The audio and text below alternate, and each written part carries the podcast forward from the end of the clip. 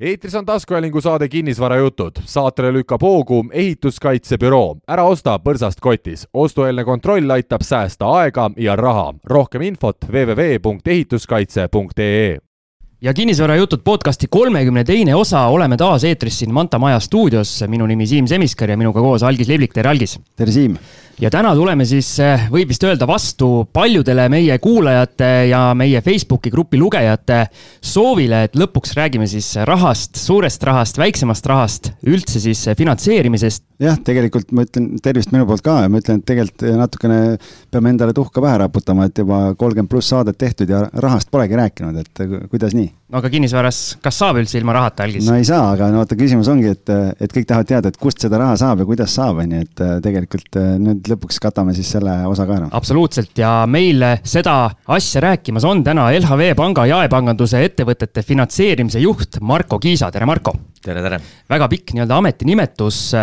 aga ma arvan, see jutt, mis siit tuleb, suurepärane, huvitav meie kuulajatele, sest on tulnud ka kuulajate küsimusi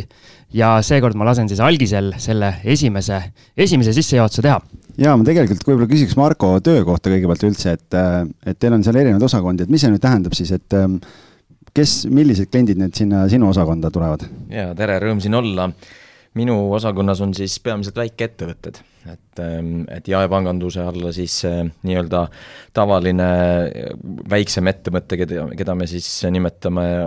nii, nii noh, inglisekeelse lühendiga SSE või small size enterprise või siis ka SME, et keskmise suurusega, et kui ta juba natukene suuremaks kasvab, siis, siis anname ta paar korrust ülespoole ettevõtete panganduse teenindada, nii et et see on siis nii-öelda tavaline noh, pankades tihti nagu lahterdataksegi nii-öelda nagu jaekliendiks, et ta soovid on natukene lihtsamad ettevõttel, eks eks ju, neid laenusid on seal äh, tihtipeale veidi vähem, võimendust kasutatakse vähem ja nii edasi, nii et, äh, et sedalaadi ettevõtted on minu käes. okei okay,, no väga põnev, et Siim, siis äh, sina oled ka ju LHV-s, eks? ja minul on kaks nii-öelda ärilaenu LHV-s ja täpselt sellel samal korrusel me siin vaikselt juba enne saadet rääkisime ka, et mina olen väga rahul, eks me saate jooksul võib-olla räägime natuke minu kogemusest ka, aga lähme siit siis vaikselt edasi, et minu huvi on, et praegu kui aktiivne see laenuturg just selliste väikeste ettevõtete puhul on, et kinnisvara siin, me iga saade räägime, kuidas buumib, kas see laenuturg ka buumib? jah äh,, seis on äärmiselt aktiivne. et kui me mõtleme väikeettevõtete peale, siis äh, noh, ma usun, et me täna sellest natukene räägime ka, et ega seal see piir eraisiku äh, kinnisvara äh, käitumise ja väikeettevõtte käitumise vahel on ju hästi õhuke, sellepärast et noh, teatud põhjustel neid kas siis investeeringuna või mingis muus vormis seda siis ettevõtetesse nagu viiakse eraisikuna ostmise asemel. mis tähendab seda, et, et, et see indikatsioon, et kuidas nagu väikeettevõtete kinnisvaraturul või ütleme siis meie poolt vaadatuna laenunõudlusega läheb, saab indikatsiooni sellest, et kui vaadata, kuidas läheb üldse kinnisvaraturul ja kodulaenude turul ja ja seal on hetkel ikkagi ütleme niimoodi, et Türgi saun enam ei ole, nüüd kipub juba kõvemaks selliseks korralikuks nagu, nagu, nagu Soome saunaks, et äh, temperatuur on üleval, midagi pole öelda aga kas see nii-öelda panga vaatest on nagu mingi nii-öelda ohukellad ka, et võib-olla mingi hetk see mull kuidagi lõhkeb või, või teie jaoks praegu sellist nii-öelda kahe tuhande kaheksanda aasta tunnet ei ole? Seda ju hetkel ei ole, siin noh, sellel teemal võiks muidugi hästi pikalt rääkida, eks ju, et, et millised mingid makromajanduslikud näitajad on, et kuidas on kinnisvara ruutmeetri hind suhtena reaalpalga kasvu ja, ja kõike seda. et ähm, et on nagu aspekte, mis ähm, justkui kaine mõistusega võttes ütlevad, et kõik on okei okay teistpidi ma ütlen ausalt, et juba mõnda aega arvestades seda suurt Äh, uksest aknast sisse purjetanud musta luike nimega koroonakriis, kogu maailma majanduses, mitte ju ainult Eestis, seda arvesse võttes võiks öelda, et juba mõnda aega on, on nagu kodulaenude ja, ja kinnisvara ja sellise jae kinnisvara ostja puhul noh, natukene nagu skisofreeniline see olukord. ja skisofreeniline selles mõttes, et kui me siin vahepeal nägime, kuidas ettevõtted, eks ju, külmutavad noh, mitte ainult kinnisvaraarendajad, eks ole või ehitajad, et külmutavad oma investeerimisplaane, külmutavad oma, oma laienemisplaane, äh, inimeste töökohad ju noh, ei saa öelda, et see oht mingilgi kombel oleks ju möödas, eks ju, et, et äh, justkui ei ole põhjust mingiks tohutuks tarbimisralliks äh, pealkirjaga pean ostma kinnisvara, muidu suren nüüd ja kohe mais kaks tuhat kakskümmend üks, eks ju. Aga millegipärast see toimub ja, ja vot see nüüd on see pool, mis teeb ikkagi noh, natukene ettevaatlikuks või paneb tõtt-öelda natukene nagu kukalt sügama. täitsa tõsiselt, et see on natukene skisofreeniline olukord ja, ja noh, neid põhjuseid võib ju leida erinevaid, aga ma ise tooksin võib-olla välja sellised, et äh, mõned neist on sellised ratsionaalsemad, teised on loomulikult kahjuks ebaratsionaalsemad. ratsionaalseks võib pidada seda, et, et eks selle vähenenud reisimise, vähenenud äh, teatud võib-olla mingite kestvuskaupade tarbimise ja kõige selle baasil on, on sellel kontingendil, kellel siis raha oli, raha veel rohkem. et kehtib äh, kahjuks paraku nagu see printsiip, mida võib, kui me jälgime majapidamiste ja ettevõtete nagu säästusid või selliseid nagu kellel mida hinge taga on, et kahjuks kehtib see printsiip, et kellel oli, sellel on veel rohkem ja kellel pole, sellelt võetakse viimanegi ära, et, et see tundub, et, et, et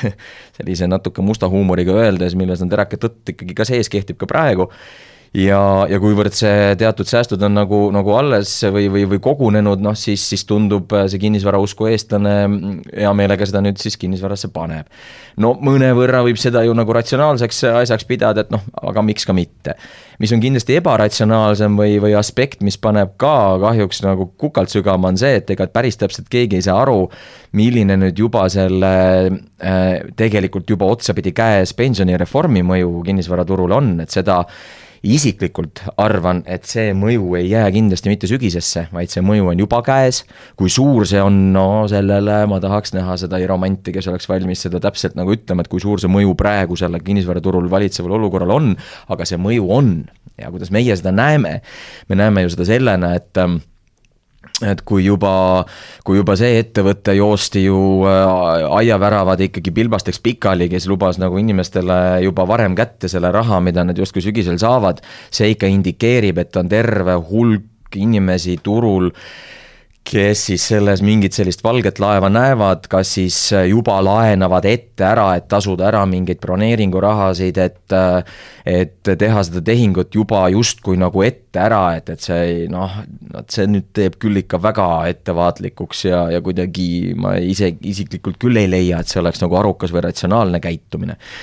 et, et see, see ilmselt on mingil kujul noh, juba käes ja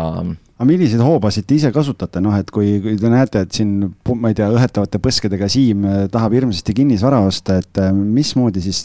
mis, mismoodi te ise vaatate või kas te olete kuidagi oma ma ei tea, mingeid lähtekohti, printsiipe, mingeid asju kuidagi muutnud ka või ikkagi teie jaoks nii-öelda indikatsioonid ja nii-öelda ettevõtte tervis ja kõik see on noh, samadel alustel, et. on jaa, on küll samadel alustel, et ma ei saa öelda, et me oleksime praegu kuidagi ähm, mingeid nagu riskihinnanguid eh, selle koha pealt muutnud, et tõesti me ruutmeetri riski suhtume ikka samamoodi, nagu me varem suhtusime. seda, et ruutmeetri hind eh, kasvab, noh, see on ju alati Äh, alati olnud nagu ka ju, ju, ju, ju mõõdetav, arusaadav äh, ja, ja nii edasi, et, et seda,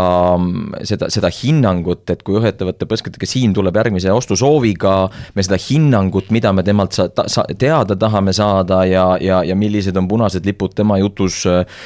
meie jaoks, me jah, seda me muutnud ei ole, nii et, et mingis mõttes võiks nagu öelda, et et, et finantseerijad ja noh, ma ennekõike räägin pigem vist pankade nimel siin, eks ole, sest noh, turul on ka terve hulk reguleerimata ja, ja, ja alternatiivseid finantseerijaid.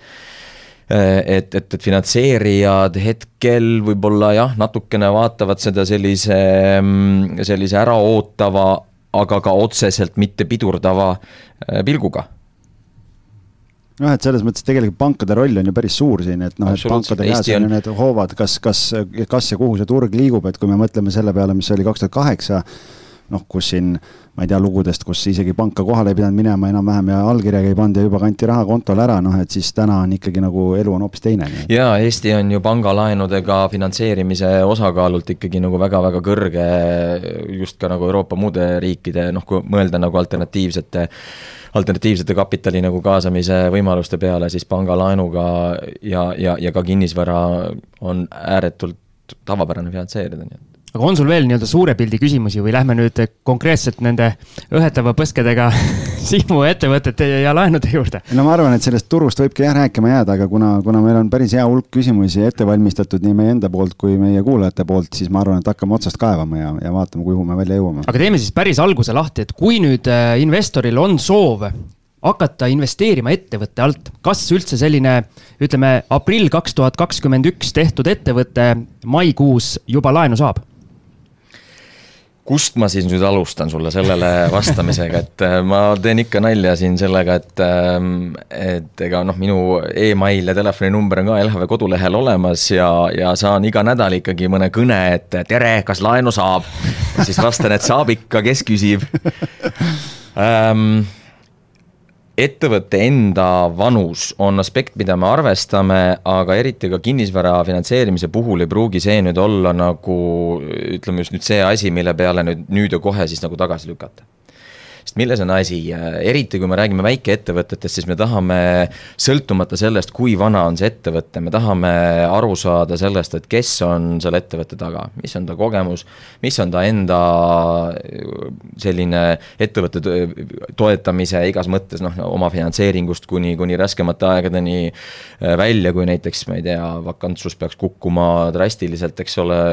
investeerimise või, või üüri, üüri, üürikorterite puhul, nii et nii et ei, ma ei tooks ühtegi sellist nagu, nagu hõbekuuli hetkel küll välja äh, nagu, nagu, nagu selle, sedalaadi aspektidest, mida sa välja tõid, et, et pigem, pigem hakkame nagu selles osas nagu teisest otsast hoopiski pihta, et, et need, kes saavad absoluutselt kindla ei, on ikkagi nagu läbi ajaloo olnud needsamad ettevõtted, et kui sul ikkagi krediidiajalugu on punane Äh, kui sa omanikuna või juhatuse liikmena oled, äh, oled, oled punases täiesti, eks ju, et, et noh, see on, see on mis tahes pangale ja mis tahes finantseerijale täielik ohumärk ja seal olgu su finantsnäitajad kui kõvad tahes, sa laenu ei saa. Äh, on sul mingid avatud ja pooleliolevad vaidlused pooleli, mis on nagu selgelt, selgelt avalikest allikatest näha, no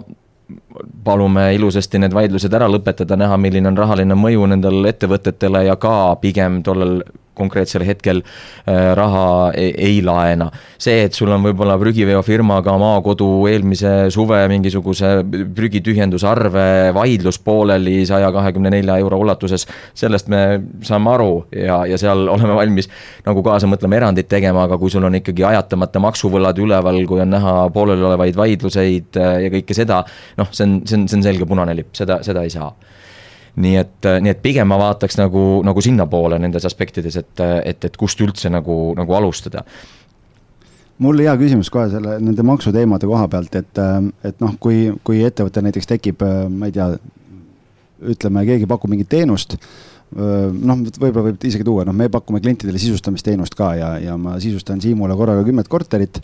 ja esitan sinna arve, ma ei tea, kuuekohalise arve, mille käibemaks on ka seal viiekohaline ja, ja küsimus on selles, et see sisustamisprotsess on seal, ma ei tea, neli kuud, kuus kuud, mingi aeg võtab aega, sõltuvalt äh, sellest, äh, millal need korterid valmis on ja nii edasi. et siis äh, küsimus on selles, et selleks, et mitte seda kliendi raha kaotada, sest see on sisustamise eesmärgiga ja, ja kui see käibemaksu osa saab nagu ajatatud, et ähm, noh, see ilmselgelt viskab kohe mingi punase laterna nagu üles, aga, aga, aga kas see siis on kohe takistav faktor või? Mida meie otsime, ma arvan, et mida enamus äh, finantseerijaid, kes on kohustatud nii-öelda ka ise süvenema ja vastutustundlikult käituma ja, ja vastutustundlikult laenu andma, mida meie otsime, on selline trend ja käitumismuster. et see, et siin ka kriisi ajal äh, ka ju Maksuamet ise pakkus neid initsiatiive, vähendades neid tasusid, mida ettevõtetele ajatatud maksuvõla pealt tuleb nagu tasuda see on meile kõik teada, see on arusaadav, see kõik on mõistetav, ei ole, ei ole küsimustki, et äh, kui see on su korduv äh, käitumine, see on su korduv muster, sul on mingeid muid pidevaid nõudeid, vaidlusi üleval, pigem on see, mida me, mida me otsime, nii et vastus võib-olla see peitub, peitub hoopis selles, su küsimusele mm. -hmm. et kui algis siin läks suure sammuga selliste ettevõtete juurde, mis kirjutavad siin kuuekohalisi arveid, siis ma tulen sammu tagasi, et väike investor tahab minna ettevõtte alt investeerima, tahab näiteks soetada oma esimese korteri tal on sisuliselt kaks võimalust, teha ettevõte ja hakata sealt juba mingit teenust pakkuma, et mingi rahavoog tekiks. või siis ta loodab võib-olla naiivselt, me saame kohe vastuse, loodab naiivselt, et tema esimene tehing selle ettevõtte alt ongi minna LHV panka, saada, saada laen kinnisvara ostuks ja hakata seda välja üürima. mida sina soovitaksid? meie eeldus ja ootus on see, et äh, kui ta on see täiesti tühi keha, mida tehakse alles äh, siis nii-öelda tuleviku rahavoo, äh, rahavoo peale tehakse mingit plaani, siis selle peale me laenu ei anna. et tuleviku lisanduva tulu, mis siis peaks laenumakse ära kandma, seda, seda nagu ülevõimendamist ja, ja ülekuumendamist, seda me kindlasti ei toeta et sellisel juhul tuleks see tehing finantseerida pigem eraisikuna, äh, mis on ju täiesti võimalik, eks ole, läbida seal need kadalipud, mis tähendavad eraisiku nagu maksevõime ja, ja kõike seda äh, seda poolt, et ähm, me soovime näha seda, et kas juba olemasolev rahavoog katab juba ära laenumakse, sõltumata sellest, mis saab sellest nagu üürikorterist või millise vakantsusega või millise äriplaaniga ta välja finantseeritakse. Äh, või, või välja üüritakse äh, või äh, on tegu tõesti nagu äriplaaniga selles kontekstis, et noh, et, et oletame, et ongi see tühi keha justkui selline, et, et seal tehakse sellist nagu läbimõeldud ja struktureeritud investeerimisotsust just nimelt nagu tulevikku vaatavalt, et noh, kas näiteks refinantseeritakse mingeid omanike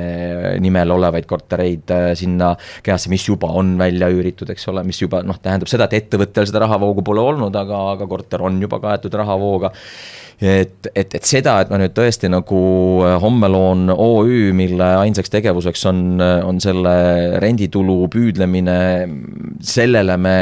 kuidas öelda, me ütleme selle peale jah, tõesti seda, et, et taolised tehingud tuleks ära teha oma vahenditest ja siis vaadata, et, et kui edukas see tegevus on, kui, kui hästi see rahavoog õnnestub genereerida ja siis saame juba järgmise või ülejärgmise tehingu finantseerimises võib-olla kaasa rääkida. ehk siis, kui mul on eraisikuna ostetud X arv kortereid, kortereid, mille ma olen täna välja üürinud, aga nüüd ma otsustan oma äritegevuse viia juriidilise keha alla ja annan need tasuta kasutada oma ettevõttele, siis äh, te võtate arvesse ka seda varasemat äh, rahavoogu eraisikuna, sest tegelikult need korterid juba on välja üüritud ja tegelikult see rahavoog nagu toimib, kas saan ma õigesti aru? jah see on haruharva nii mustvalge, selles mõttes, et ma natuke, kuidas öelda, eks ma pean siin nagu ka väga hoolikalt äh, valima, et milline ka see võib-olla nagu mulje jääb sellest kogu sellest jutust, et meie, äh, meie soov ei ole õhutada seda nagu igal juhul takka ka näiteks ka ettevõtetesse viima, vaid, vaid ütleme siis, sõnastan selle ümber selliselt, et me, me tõesti tahame aru saada sellest, et, et ei oleks mitte mingil kombel ohus selle laenu teenindamise võime. nii et, et kui eraisik tõepoolest oma vahenditest on neid kortereid ostnud Äh, ta soovib neid refinantseerida, me kindlasti vaatamegi seda, et milline see portfell siis on, kuidas seal on need riskid ära hajutatud. et et, et parim, või ütleme, kõige libedamini läheb ikkagi tõepoolest nendel, kellel see portfell on äh, diversifitseeritud, ei ole ainult ühe piirkonna korterid, ei ole ainult ühte auku nii-öelda. ja neid kortereid on ikkagi jah, rohkem kui kolm, neli või viis, et, et, et see, see, see, see on väga tihti võimalik seda arvesse võtta, aga kuidas siis öelda, et, et keep calm and carry on printsiibil, et, et, et me ei torma küsimusi küsimata kindlasti seda lihtsalt niimoodi finantseerima. aga võtame siis selle teise vaate, et äh, inimesel on ettevõte, mis on tegutsenud juba aastaid mingis teises valdkonnas ja tema soov on siis äh, näiteks äritegevusest ülejäänud raha investeerida kinnisvarasse ja panna see siis omakorda veel raha teenima. ma saan aru, et sellise ettevõtte puhul see laenu saamine on, või tähendab, ei ole vastunäidustatud, et pigem siis äh, nii-öelda antakse, aga meie küsimused siis ongi, et mida ja mida see nii-öelda firma omanik või juhatuse liige peab esitama dokumentidena ja mismoodi kogu see protsess välja näeb mm? -hmm. ja selles mõttes tabasid naelapea pihta, et, et need äh, valdav osa, kellega siis lähebki ikkagi pigem libedalt, äh, ongi tõepoolest ettevõtted, kellel mingi muu rahavoog on olemas ja see muu rahavoog võib tõesti tulla nagu selles mõttes erinevatest allikatest, et tõesti see tegevusala võib ju olla mis tahes, sinna võivad võivad omanikud äh, ise reaalselt nagu teenust osutada, genereerida seda rahavoogu selliselt, alates tõesti IT-arendusest kuni, kuni vabakutseliste noh, kogu meelelahutussektor kukkus nüüd muidugi ju, ju, ju ära, aga, aga noh, neid vabakutselisi leiab ka nagu muudest valdkondadest. Et, et tõepoolest nendega läheb kõige libedamalt, kellel see muu rahavoog olemas on. ja ei ole absoluutselt vastunäidustatud see, et nüüd on siis otsustatud näiteks, eks ole, tõepoolest investeerida. ja, ja nendega, nendega, nendega on kõige lihtsam Äh, laenu taotlemine kui selline kinnisvara puhul ähm, kaheksakümne protsendi ulatuses ei erine sellest, et kas äh, küsitakse seda nüüd äh, korteri ostuks või, või oma tootmishoone rekonstrueerimiseks. et esitada tuleb ikka sama info, me analüüsime, vaatame sama infot alates sellest, et kes on need omanikud, mis on nende kogemus, mis on nende track record turul nii noh, igas mõttes, eks ole, mis on nende kompetents ja nii edasi. aga dokumentide esitamise osas on noh, üle ega ümber ei saa ettevõtte finantsnäitajatest, et seda nagu mul on teinekord isegi natukene kummaline nagu,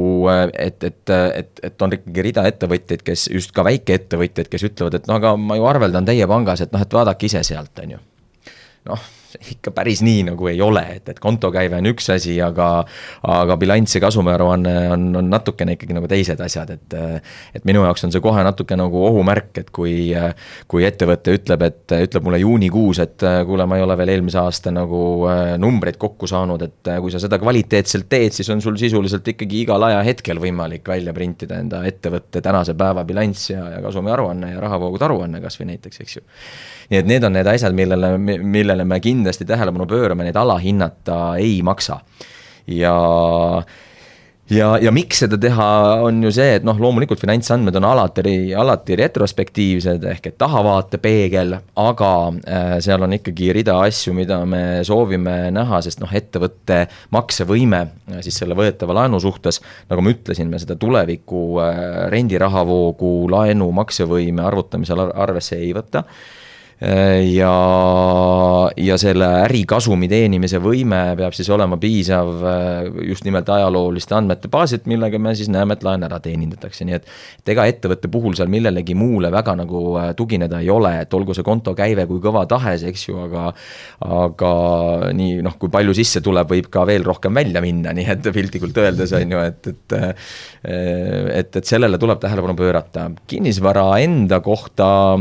kinnisvara hindamise akt protsenti me enne krediidiotsust ei küsi mis teeb meid, mis teeb LHV nagu paindlikuks teiste finantseerijatega võrreldes kindlasti sellepärast, et et noh, tihti ongi kompamisega tegu, et, et kas ma, kas ma, mis tingimustel ma siis just, üldse justkui nagu saan ja siis ma panen tehingu lukku.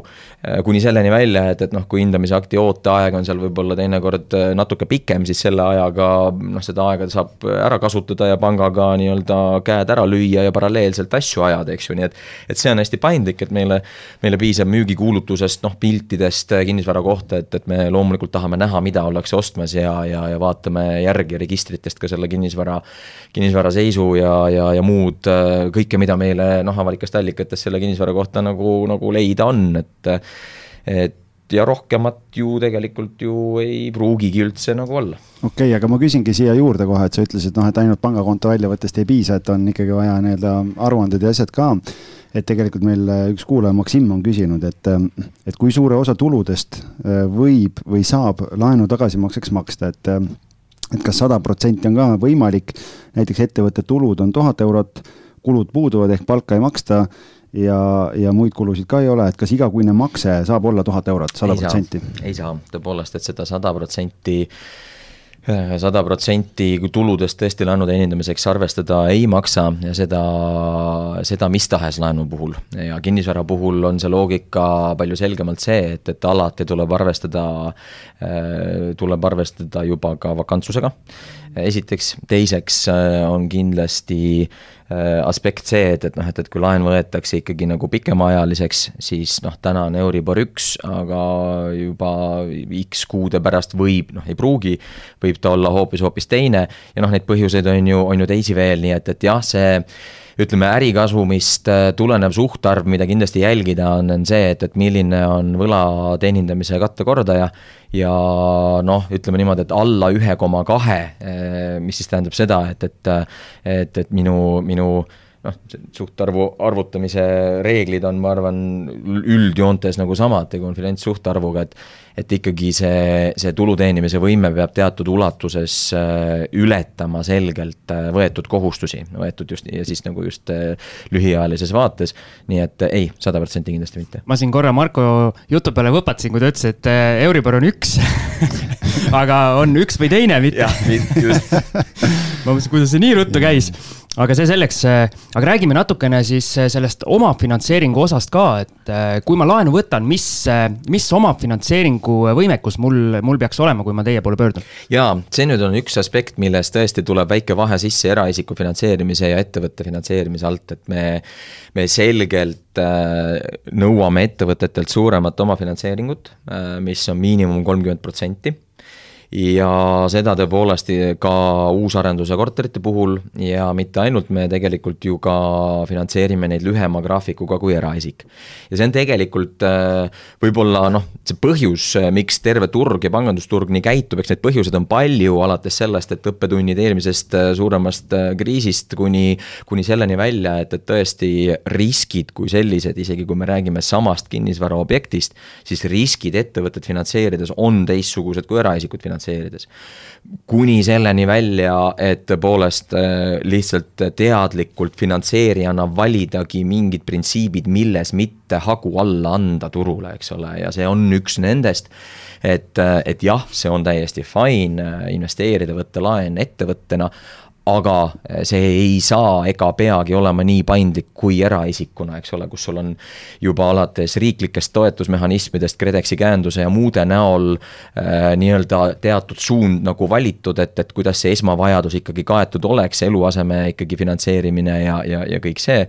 et ettevõtetesse seda, seda finantseerida on ikkagi noh, need printsiibid on natukene, natukene teised, nii et alla kolmekümne protsendi omafinantseeringut tõepoolest me ei aktsepteeri okei okay,, aga kui perioodist rääkides, et, et noh, kodulaenu puhul on see tavaliselt nii-öelda kolmkümmend aastat. tehakse ma... vist isegi pikemaks. ahah, okei okay,, nii et äh, läheb, elu läheb ilusamaks. me nii vanad mehed, me ei saa me ei saa enam kolmekümmetki jah, siin, et äh, ajahammas tiksub armutult, aga aga ma olen siin kuulnud, et osa ettevõtteid saab kümme, osad saab viisteist, et äh, mis see maksimaalne aeg või millest see üldse sõltub, milline see periood olema saab? standardreegel on tõesti kümme ja ja ka seal on terve hulk põhjuseid, aga eh, millal ta võiks olla nagu pikem, on või, või millal me oleme teinud sellest erandeid, on kindlasti uusarenduse korterid. ehk et mida likviidsem, mida parem see, see, see, see korter on, seda rohkem võib mõelda ka selle, selle pikema graafiku peale ja teiseks samuti sõltub sellest, et, äh, et millise rahavooga seda tullakse teenindama. ehk et alates sellest, et kui palju sinna ise sisse pannakse, milline on nagu laenu alustamise hetkel juba siis loan to value või, või, või sellise nagu laenu ja turuhind, turuhind, turuhinna siis suhe. Nii et, et need on need aspektid, mis kindlasti mõjutavad seda, et kas on võimalik saada pikemat graafikut, nii et, et standard on kindlasti kümme sellega tasuks nagu arvestada ja ma ütlen, et tegelikult äh, investori vaatest äh, ettevõte, kes siis selle sellisena nagu teeb, äh, on, on, on seal ju ka, et ma pööraksin selle mündiga nagu teistpidi korra, et, et tegelikult mida lühem see graafik on, seda väiksem ju see intressikulu on, eks ole, et, et kui sa suudad enda enda ja seda tasuvam on see investeering lihtsalt, eks ju, et, et kui sa suudad oma ettevõtte rahaasjad korraldada selliselt, et, et sa saadki ikkagi vee agressiivsemalt laenugraafiku maha amortida, siis, siis ei ole see mitte ainult panga äh, riski maandav meede, vaid see on ikkagi vägagi ka investori enda huvides ma toon korra siia selle oma kogemuse sisse, et mina esimest korda LHV ärilaenu võtsin eelmise aasta suvel, ehk siis pärast siis koroona, koroonakriisi seda esimest lainet ja siis oli niimoodi, et ma võtsin kõikidest pankadest pakkumised nagu ikka ja LHV pakkus mulle seda kümneaastast graafikut, aga teised pangad, eriti siis need Rootsi suurpangad, nemad pakkusid kas viieaastast või seitsmeaastast. kas see on nagu üks element, mismoodi pangad siis oma seda riskitaset nii-öelda kuidas ma ütlen, sätivad, et vastavalt seda graafikut, lisaks siis loomulikult intress, mida kõik teavad, on ju. Yeah.. aga, ja minu küsimus on, et miks erinevad pangad ikkagi on eri, erineva nii-öelda riskiastmega ja kuidas nii-öelda, kuidas need asjad kõik pangasiseselt ja konkurentsi arvestades nagu muutuvad ja, ja käivad? no miks nad on erineva sellise hoiakuga riskidesse, on ju selgelt iga äriettevõtte nimega pank noh, kas siis strateegiline noh, või taktikaline valik, et see täpselt nii ongi Äh, teatud perioodidel teatud pank võib mingis tootes, on see kinnisvaralaen või minu poolest autoliising või, või, või vahet ei ole, mis toode, teha teatud valikuid, mis on ainult talle endale teada, miks ta seda teeb, välja paistab seda turule just nimelt sellega, et, et tingimused mõnevõrra nagu, nagu erinevad, nii et et seal ei ole nagu võimalik üldistada, et, et, et see nüüd on sellepärast nii. aga jaa, äh, tõsi on see, et, et ta on selline aspekt, seesama graafiku pikkus, ehk et ei midagi muud kui see, et kui agressiivselt see eh, laen vastu turuväärtust võiks justkui nagu maha amortida ja eks ta ennekõike sõltub kahest eh, asjast, ehk et milline on ettevõtte enda tegevusala ja tegevusvaldkond, kui sesoonne see on, kui stabiilse senise rahavooga see ettevõte on Äh, on, millise, milline on konkreetse panga riskihinnang näiteks selles konkreetses sektoris. noh, nagu me teame, täna, täna on, on, on, on sektoreid, milles läheb ülihästi, on neid, mis on täiesti ju maha kukkunud koroonakriisi tõttu, Horeca eesotsas ja, ja nii edasi, nii et et see, kui kiiresti mingi, mingi ka kinnisvara tagatisel laen pank tahab amortima panna, noh, need on täpselt nende aspektidega seotud. Jah, et miks seitse või kümme, noh, ütleme äh, jah, lõpetame selle mõtte selle ära, kus see eelmine oli siia võib-olla siis täiendusena lihtsalt veel, et, et kui laenu antakse kümneks või viieteistkümneks aastaks äh, nii-öelda viieaastase lepinguga, et võib-olla räägime sellega lahti, need, kes ei tea, et ja. mida see tähendab reaalselt? see tähendab seda, et äh, le-, lepingu lõppu, leping lõpeb viie aasta pärast ära ja kuna graafik on pikem, siis viie aastaga ollakse jõutud graafikus lihtsalt teatud punkti, eks ole, sa ei ole graafikut maksnud nulli maha, nulli maksaksid sa siis, kui lepinguperiood ja graafik on võrdsed, noh näiteks eluasemelaen kolmekümneks aastaks tähendab seda, et kolmekümnendal aastal on su laenujääk null. Aga, aga ta, sinu toodud näite puhul viis ja kümme aastat tähendab seda, et viiendal aastal on sul veel teatud summa laenu jäänud tasuda, noh seda nimetatakse bullet'iks, eks ole, või sellises nagu pankurite slängis ja,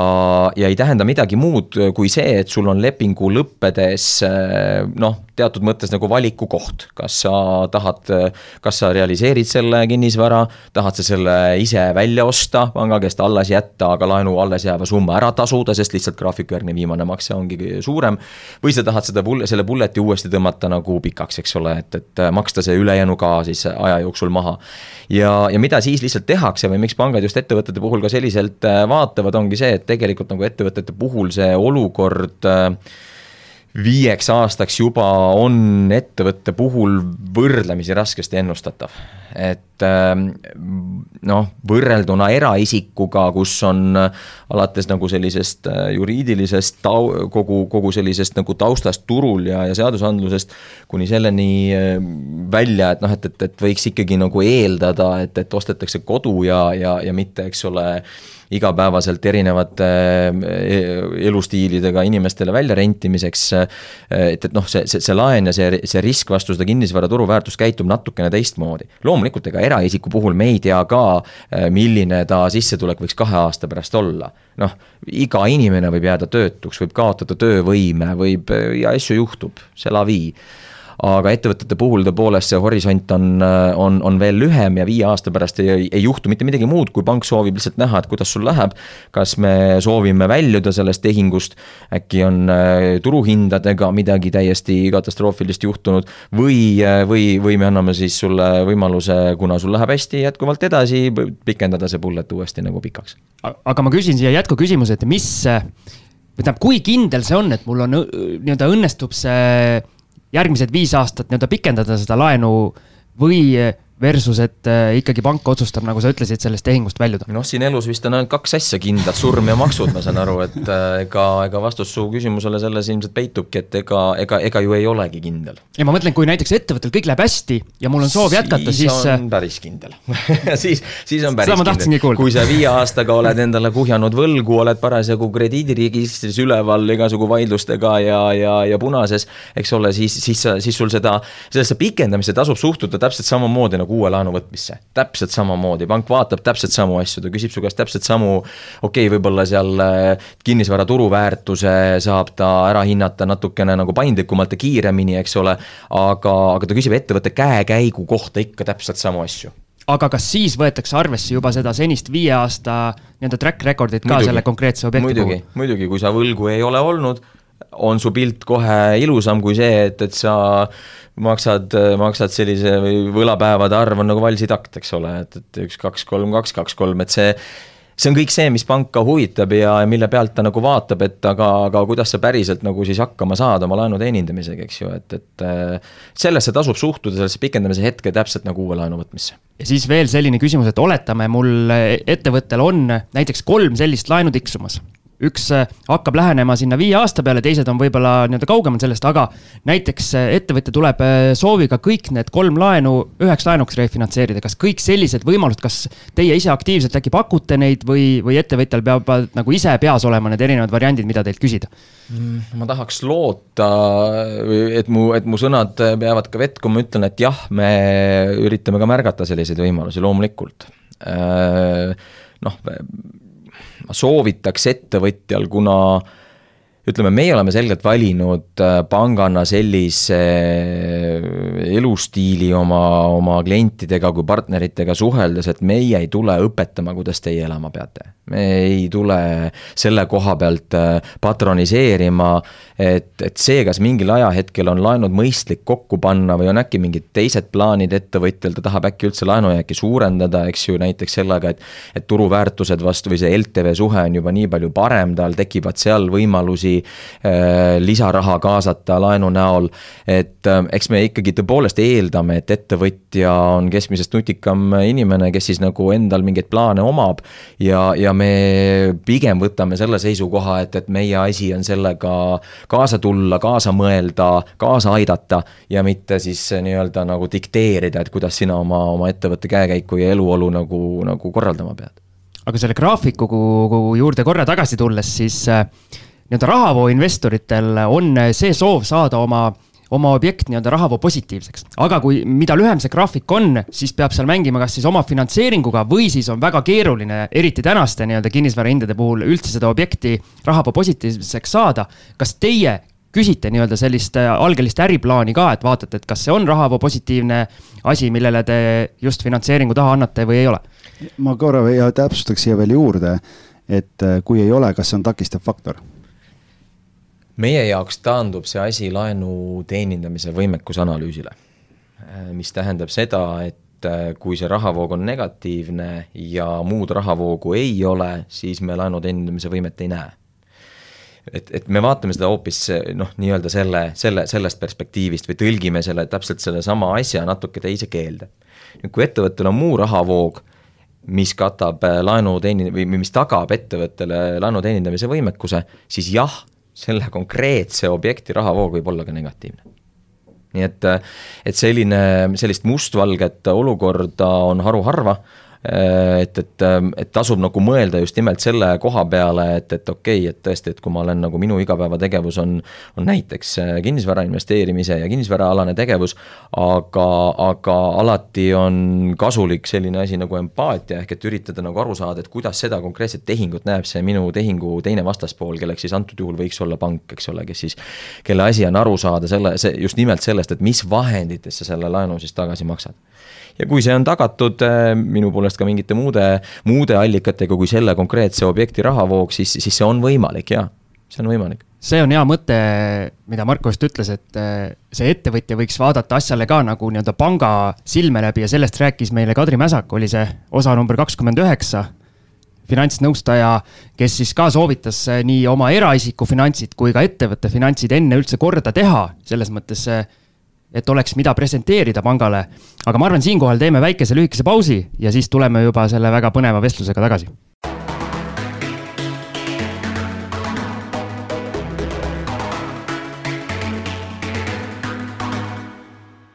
ja oleme väikeselt pausilt tagasi ja Algis siin naeris just oma, omaette, et ta mõtles, et tuleb meil esimene saade ajaloos, kus nii põnev on, et ei saagi pausi teha, aga siiski ma kuidagi pressisin selle sisse ära ja ma jätkaks sealt äh, siis äh, võib-olla selle äh, noh, rääkisime siin positiivsest ja negatiivsest rahavoost ja kõigest sellest, et, et ma küsiks niipidi, et, et kui mõelda nüüd selle peale, et, et kellelgi on juba mõned ob objektid olemas, et kumb on täna nagu panga vaatest olulisem, et kas nagu objektide arv või igakuine rahavoog, noh, ma toon suvalise näite, et Siimul on viis korterit, mille igaühe üür on kolmsada ehk kokku tuhat viissada eurot ja mul on kaks kaheksasaja eurost korterit, et kumb panga vaates parem on? Väga hea küsimus, millele mustvalgelt vastata on keeruline. Äh, alustades sellest, et äh, kas noh, näiteks kui need korterid on sul suisa samas majas, siis on munad ikkagi vägagi ühes korvis, eks ju. kui nad on sul, äh, üks on Tallinnas, teine Tartus, noh, olukord juba oluliselt parem. et üldine printsiip on loomulikult see, et parem palju ja väikeseid kui, kui, kui üksikud ja suured aga noh, see ei pruugi nagu panga vaatenurgast alati ka vett pidada, sellepärast et kui sa teed palju ja väikeseid kehvasid otsuseid, siis, siis summa summarum võib see risk ikkagi kulmineeruda äh, oluliselt suuremaks kui, kui üksikute suurte ja heade otsustega. nii et ähm, ei ole ühest vastust su küsimusele äh,. selle ähm, noh, reeglina ütleme, millele veel ma viitan siin, on siis see, et, et et kui sa, kui, kui need on suurema äh, maksega, noh, eeldatavasti võiks siis olla tegu kõrgema turuväärtusega korteritega äh, eeldatavasti on sul sellisel juhul olnud või, või, või tuled sa taotledes ja näitad ette ka suurema võimekuse oma finantseeringut tasuda. et kõik need aspektid hakkavad nagu määrama. et, ähm, et, et sealt kuskilt peab see, peab see kujunema, nii et ma ikkagi ütleksin nagu selliselt, et äh, et kui, kui, kui üritada seda nagu Zeteris paarivustingimustele viia, et, et kõik muud asjad on võrdsed, no tõesti, ma ei tea, kaks ettevõtet äh, tegevusvaldkonna mõttes, rahavoo, kõige, kõige, kõige muu mõttes, siis, äh, siis noh,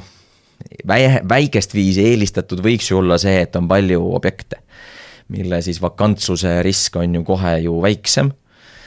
aga noh, see ei pruugi alati laenu võttes äh, nii olla aga jätkame seda hajutamise teemat selles plaanis, et äh, ma, ma eeldan, et Tallinna korter tagatiseks, nii-öelda ostetav korter kohe laenu tagatiseks anda, see on äh, LHV jaoks okei okay,, aga kust kohast teil see piir jookseb, et põhimõtteliselt kui Tallinnast välja sõidad, siis automaatselt enam äh, nii-öelda tagatiseks ei sobi või on siin ka selline vähe nii-öelda halli rohkem kui mustas ja valges? on kõvasti rohkem. LHV tegelikult üldse kinnisvara finantseerimise turul ju on alles paar aastat ütleme üle-eestiliselt me alustasime kodulaenugagi, mis oli meie esimene sellel teemal ju, ju kui ma nüüd ei eksi, viis-kuus aastat tagasi. ja alustasime tõesti Tallinn, Tartu ja, ja mõlema linna lähiümbrus, eks ju. aga juba mõned head aastad tagasi me noh, tuli, õppisime äri, õppisime turgu, kliendibaas kasvas ja nii edasi ja nüüd on siis LHV sootuks teises kohas, ehk et me tegelikult finantseerime igapäevaselt kinnisvara ikkagi Virust Võruni ja, ja viimase näitena toon ka selle, et, et mul oli, oli võimalus eelmise aasta septembris tuua või lisada siis meie portfelli ka viimane nii-öelda ka kinnisvaraga seotud laenutoode, korteriühistu laen kus me samamoodi ei tee sellele piiranguid, et, et noh, et, et kui me ikkagi nagu samasse kortermajja oleksime valmis kuskil noh, Väike-Maarja, jumal teab, vahet ei ole, millises toredas äh, väikekohas äh, kodulaenu pakkuma, siis me pakume seda ka korteriühistu finantse-, ütleme renoveerimise puhul ja sama printsiip kehtib ka nagu ettevõtete finantseerimise puhul, nii et, et see ma tean, millele sa võib-olla viitad, ütleme see, et, et tihti see äh, noh, ütleme siis niimoodi nagu perifeersemas kandis asuv kinnisvara, sellele juba ka kinnisvara hindajad sügavad kukalt, et aga kuidas ma sellele tagatisele siis äh, väärtuse siin annan, kui mul ei ole ei võrdlustehinguid, ei ole tal rahavoogu peal, noh, ütleme näiteks kasvõi ka mingid tootmisobjektid, et, et ei saa sa seda ka rahavoo põhi, põhjal teha, seda turuhinnet ja nii edasi, et et, et, et elukondliku kinnisvaraga on mõnevõrra ikkagi asi lihtsam. ütleme, ärikinnisvaras võib tõesti olla ja see on üks koht, kus ma näeksin, et tõesti peaks ja, ja võiks kohas, kus turg ei toimi, peaks sekkuma riik. ma olen väga liberaalne inimene ja ütlen, neid kohti on väga-väga vähe, aga see on üks koht. Et need perifeerses asukohas asuvad kinnisvarad, millele ei ole nii-öelda likviidsust ja, või turuväärtust, noh, mis omavahel on ka tihti ju seotud, eks ju. seal võiks see just ka sellise nagu finantseerimise huvi, või noh, kuidas siis öelda, võimaldamise huvides võiks kindlasti riik sekkuda nii eraisikute kui, kui ettevõtete poolelt. aga elukondliku kinnisvaraga selles mõttes on ikkagi nagu lihtsam natukene, et eks panka, suvalist panka huvitab kindlasti ja sealhulgas ka LHV-d huvitab kindlasti see, et, et noh, mida me ei taha näha, on loomulikult mingid pooltühjad kortermajad, eks ju, et, et sul võib olla samas linnas ikkagi Äh, mis muidu on ju, ega siis elu Eestimaa pealt loodetavasti kuhugi ei kao. et sul võib ikkagi samas linnas olla äärmiselt erinevas seisukorras kortermaja väga erinevas. no isegi Tallinnas ju. isegi Tallinnas, tõepoolest, eks ju, mingis sa näed, äh, korteriühistu toimib, äh, toime, toimetatakse, teises sa näed, et sul on, äh, ma ei tea, mingi korter või korrus on juba tead põlenud, eks ole, inimesed, kes on vaesekesed sinna alles kuidagi jäänud, üritavad ka oma elu ju korraldada ja toime tulla ja hakkama saada, eks ju, aga, aga nende, nende soov finantseerida sellest kinnisvara võib panga vaatenurgast hoopis, hoopis erinev olla. nii et ei, seda, et, et nüüd rongiga sõida nii kaugele, siis tuleb see piir kust LHV nagu tagatist aktsepteerib, seda ma kindlasti öelda ei saa, see ikkagi pigem sõltub tõesti selle, selle seisukorrast ja, ja taolistest asjadest. võib vist öelda, et jumal tänatud, et pole nii, et see kõik, mis sealt LHV kõrgest kontoriaknast paistab, et seda. see, sellest piisab. no õnneks on see muidugi väga kõrge hoone meil, et usu mind, sealt paistab kaugele. kui binokkel appi võtta. ma just tahtsin öelda, et oleks te Siimu seda pilku näinud, et kui Marko vastus ära vastas, seal ma nägin, kuidas see kivi langes südamelt, arvestades oma siin Vaida ja Kehra objektidega siin. ei no olgem ausad, Vaida objektil mul on LHV laen peal. no vot, nii et. no vot, aga seal muidugi nõuti lisatagatist nii et äh, ma saan aru, et kõik, äh, vähemalt ma enda kogemust ütlen ka, et kõik on võimalik ja läbiräägitav ja lihtsalt äh, nagu mina ise ka nii-öelda julgustan ja ma arvan, sina samamoodi, et, et see ettevõtja võiks pangaga hästi aktiivselt suhelda, et minul on teie pangas väga hea haldur, kellega ma telefoni teel väga palju olen suhelnud ja nii-öelda olen, olen rahule jäänud siin ma olen, tahan siin sekundeerida, et äh, ma hästi palju kuulnud seda, et LHV poolne nii-öelda tegutsemine on hästi kiire ja professionaalne, et, et kuigi praegu ma saan aru, tööd on nii palju, et need järjekorrad on läinud pikemaks aga, aga siin osades pankades tulevad vastused, et umbes, ma ei tea, kümne päeva jooksul võetakse ühendust, noh, selle ajaga on juba kõik head asjad läinud, nii et eh, nii, nii päris ei saa. ma tooksin selle võib-olla printsiibi või nagu mida ei tasu nagu ära unustada, kui ettevõtja pöördub siis finantseerimissooviga ja, ja halduriga nagu vestleb, et noh, ei tasu ära unustada, et, et, et ega siis pangahaldur on ju samamoodi erudeeritud laia silmaringiga inimene, kes soovib ju äri teha panga roll ei ole ju igakuiselt laenuportfelle vähendada, vaid, vaid teenida, teenida raha. Ja, ja siin on nagu oluline aru saada sellest, et, et, et meie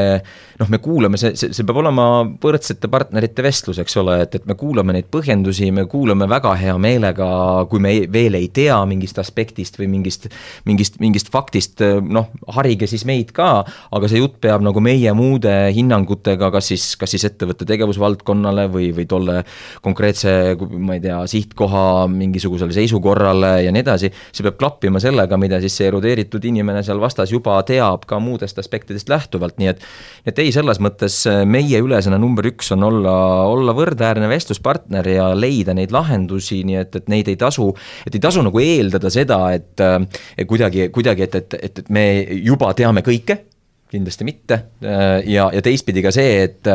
et kui ähm, kui, kui, kui tõesti tuleb mingi takistus, siis pigem äh, ja, ja, ja, ja pank kipub ütlema ei sellele konkreetsele laenusoovile, siis tuleb nagu aru saada sellest, et, et, et aga mis siis on nagu selle takistuse kõrvaldamise võimalused, mitte lihtsalt, eks ole, rünnata äh, võib-olla seda, et, et, et lihtsalt seda, et ei anta. Sellepärast, et noh, ärgem unustagem, pank tahab laenu anda, see, see, see, seda ei tohi nagu ära unustada, et küllap siis on mingi põhjus ja sellest põhjusest tuleks aru saada ja leida äkki siis nagu lahendused, et sellest üle saada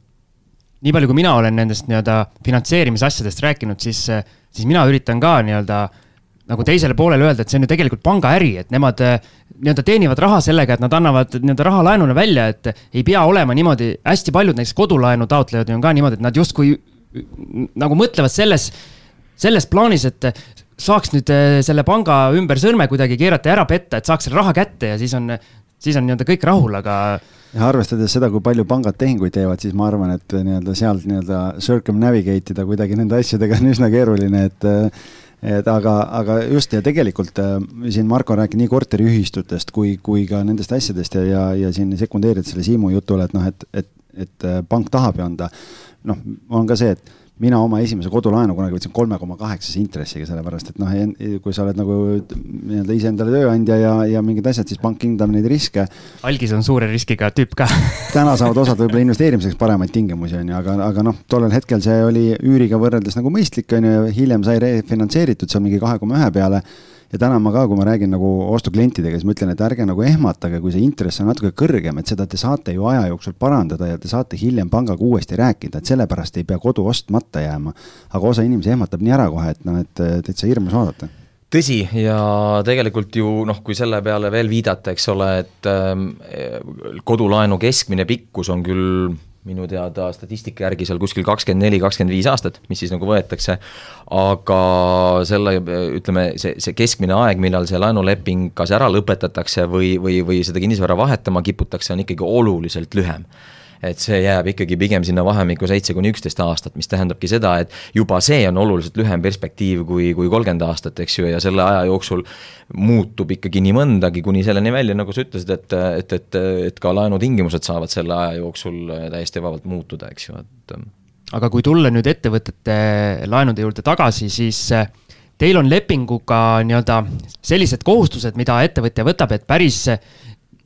või ütleme siis mingid tegevused tuleb pangaga kooskõlastada. räägi täpsemalt, mis need piirangud on, kui ma nüüd eh, LHV-lt nii-öelda ärilaenu võtan, et mis piirangutega ma pean arvestama? Need on eh, üsna äh, printsipiaalsed äh, sellised ettevõtete äh, finantseerimist puudutavad aspektid, mis ma arvan, suuresti üheski teises pangas ka ei erine et kui me mõtleme nagu üldse ettevõtete finantseerimise peale, et kui lihtne, et sama lihtne, kui on luua ettevõtet Eestis, sama lihtne on teda ka päevapealt ära kaotada. nii see õnneks või kahjuks on ja nüüd siis finantseerija peab selles keskkonnas siis kuidagi toime tulema ka selliselt, et, et, et ikkagi oleks krediidi kvaliteet tagatud ja, ja, ja nii edasi. ja hästi suuresti need, need kitsendused siis,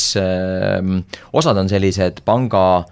tõesti nagu riske maandavad, et oleks võimalik eeldada ja arvata, et tõesti see viis aastat äh, ettevõte ikka veel kestab ja seda laenu teenindab ja osad on siis ka nii-öelda nagu taktikaliselt lihtsalt valitud, et, et need, need, need põhja, põhjapanevamad tõesti on loomulikult äh, täiendavate laenude siis võtmise ja täiendavate laenude andmise keeld. Ja sellega seotult kindlasti on ka, ka, ka siis äh, selline noh, kõikide omaniku antud laenude allutamine pangalaenule ja, ja dividendide maksmise keeld, noh loomulikult ilma panga siis nõusolekuta. ja mis selle asja mõte on, mõte on ju loomulikult selles, et, et kui ettevõtja äh, tuleb äh, teatud siis noh, äriplaaniga selles mõttes, et ta presenteerib laenu võttes teatud infot, näitab, milline on siis tema ettevõtte rahaline seis, alates omakapitali tasemest, lõpetades äh, tõesti äh, rahavooga, lõpetades kohustuste taseme ja, ja kõige muuga siis noh, see on ju tolle hetke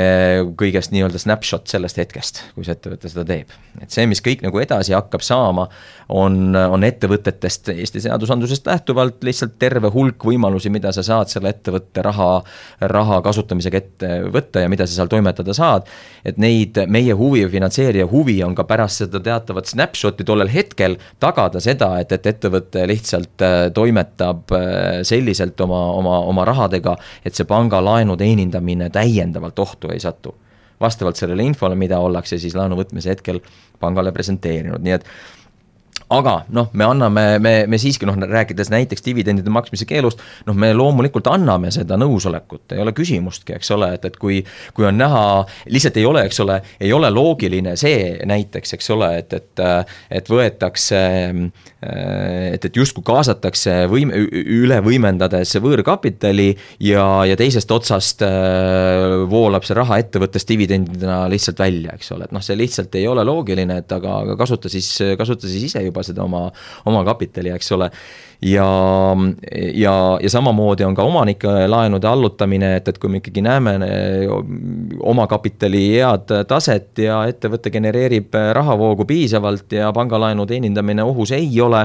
siis loomulikult me anname aktsepti neid omanikulaenusid ka teenindada, eks ole. nüüd need on sellised nagu nii-öelda nagu kõvad tingimused, noh, teised on, eks seal on veel ja no loomulikult omanike vahetuse keeld ka, selles mõttes on loogiline, et kui sina oled meie vastaspool ja, ja mina sind finantseerin, siis me ei soovi näha seda, et, et, et ühel hetkel on meil seal tõesti selles mõttes nagu äh, täie-, noh, äriplaani ja, ja ettevõtte raha teenimise kontekstis täiesti suvalised isikud vastas, eks ole, et, et noh, see lihtsalt ei ole, ei ole aktsepteeritav. seda, et pangad nagu arveldama kohustavad ettevõtete puhul, noh, see on, see on täiesti tavapärane, lihtsalt seal on üks selline hästi nagu noh, võib tunduda, eks ole, et, et pank ju noh, pank ju tahabki arveldusi ka, loomulikult see, see kõik see kontol, kontol viibiv raha on, on panga jaoks samamoodi ju, ju, ju kapitali bilansis arvel ja, ja nii edasi aga teistpidi tasub vaadata ka sellele, et ähm, või, või jällegi alati mulle meeldib nagu mõelda, et huvitav, mis selle mündi teine pool võiks olla, mis võiks olla nagu kliendi huvides, kliendi huvides on see, et tal tegelikult ei teki mitte mingeid luksatusi selles laenu teenindamises. et tõesti, et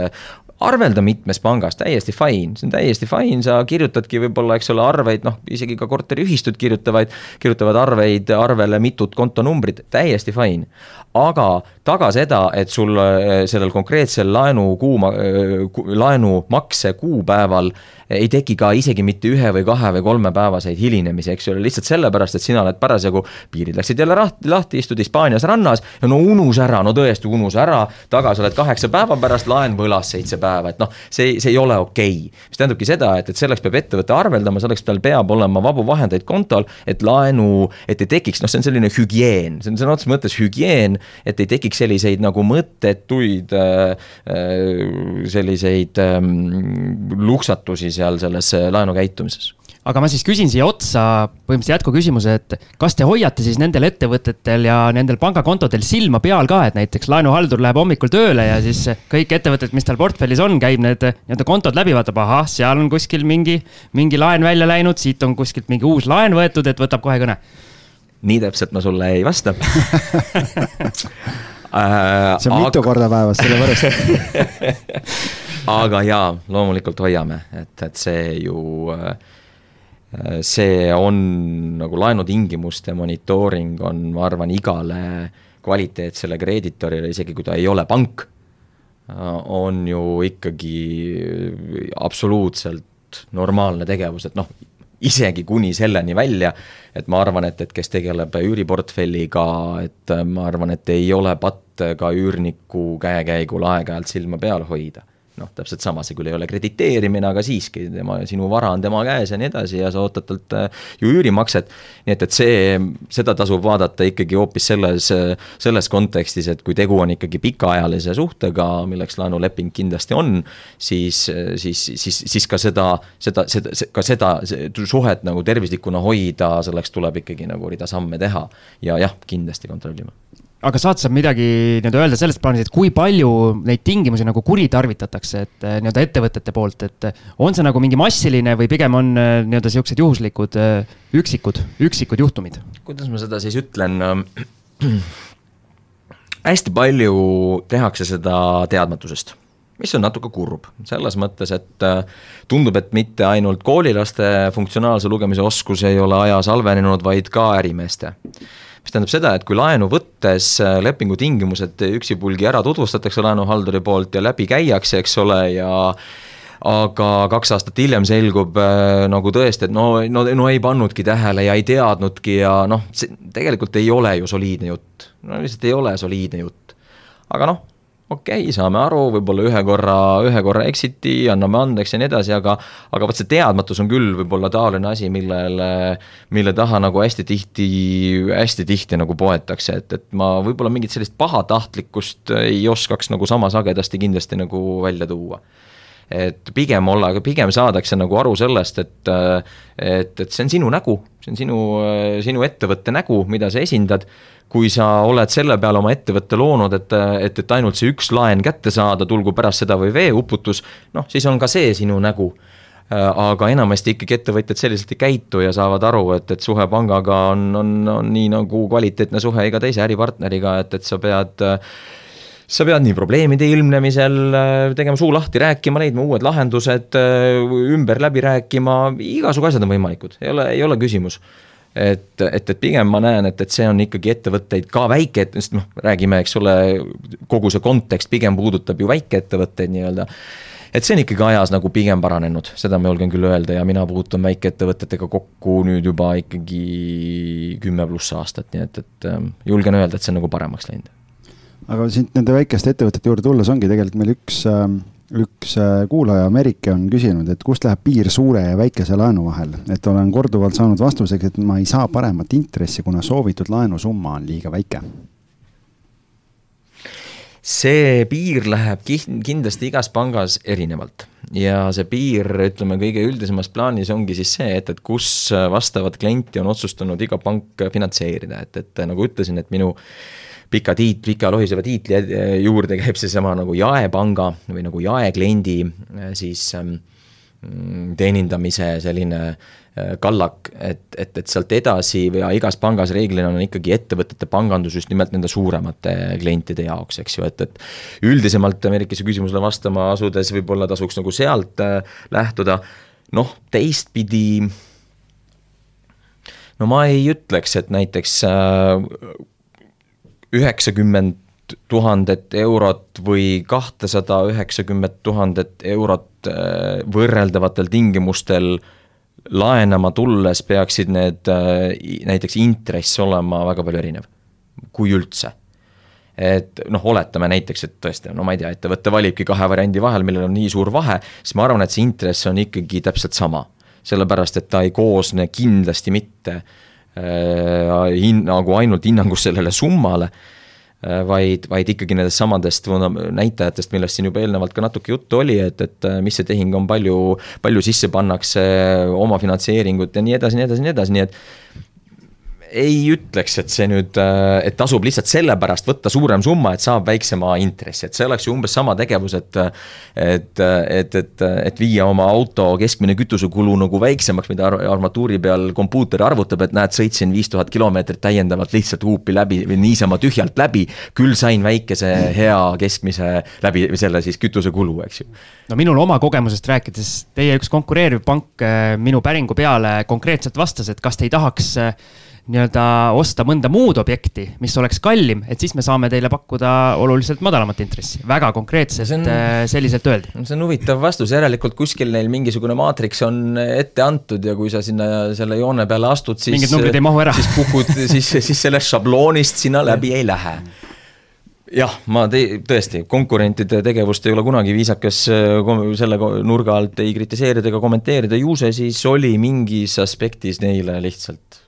lihtsalt vajalik. ei, ma lihtsalt nii-öelda sekundeerisingi Merikese küsimusele, et selline asi on ka minul äh, nii-öelda reaalelus täiesti toimunud, äh, mitte küll LHV pangaga, aga selline asi on võimalik, et öeldakse mm., et äh, laen on lihtsalt liiga väike jaa, seda, et ta liiga väike on, seda võib küll juhtuda ja seal noh, näiteks ka meie oleme kehtestanud piiri, eks ole, et millal see investeerimislaen on meie jaoks justkui liiga väike noh, sellel on hästi, hästi konkreetne nagu põhjus, et, ähm, et täpselt nii, nagu iga äriettevõte valib, et milliseid äh, tehinguid ta soovib nii-öelda võita, milliseid kliente võita noh, nii nagu mingisugune, mingisugune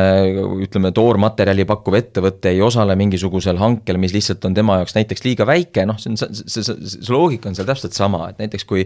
kui see, kui sul tõesti laenusoov on viisteist tuhat eurot näiteks, siis kogu see bürokraatia seal taga, alates selle, selle laenu menetlemisest kuni selle sõlmimise ja kõige muuni välja noh, see lihtsalt ei ole rentaabel, see on nagu iga äriettevõtte lihtsalt taktikaline valik, pangad sealhulgas. et jah, liiga väike võib ta küll olla, aga seda, et need tingimused äh, väga kardinaalselt peaksid erinema, nagu ma tõin näite üheksakümne tuhande või kahesaja üheksakümne tuhande puhul, seda ma hästi ei tahaks uskuda. aga, aga kui, kui klientidel ja kuulajatel on sellised kogemused, ega ega seda ei ole väga lihtne kommenteerida. kui nüüd teie vastaspool on selline konkreetne ühe mehe ette, ettevõte, et üks mees, laptop ja koer või kuidas see jutt on, et kas te siis viskate pilgu peale või kui sügavalt te viskate pilgu peale sellele ühele mehele, koera ilmselt väga ei süüvi tema tegemistesse, aga sellele ühele mehele, et kas te teete nii-öelda eraisikuna ka ikkagi tausta? eraisiku tausta me teeme tegelikult ikkagi alati. seda ei ole ettevõtteid, eriti veel väikeettevõtteid, OÜ-sid finantseerides võimalik sealt üldse lahutada ja ja selge see, et, et jah, sellise ühe mehe ettevõtete puhul noh, paratamatult see risk äh, on veidikene suurem ja selle ettevõtte profiil juba on natukene riskantsem võrrelduna siis äh, äh, noh, alates, alates kõikidest asjadest, et tõesti, et mis on tema kapitali kaasamise võimekus. ehk et omanikuna kas siis toetamise või, või, või, või turul laienemise võimekus. kui palju sõltub üldse ettevõtte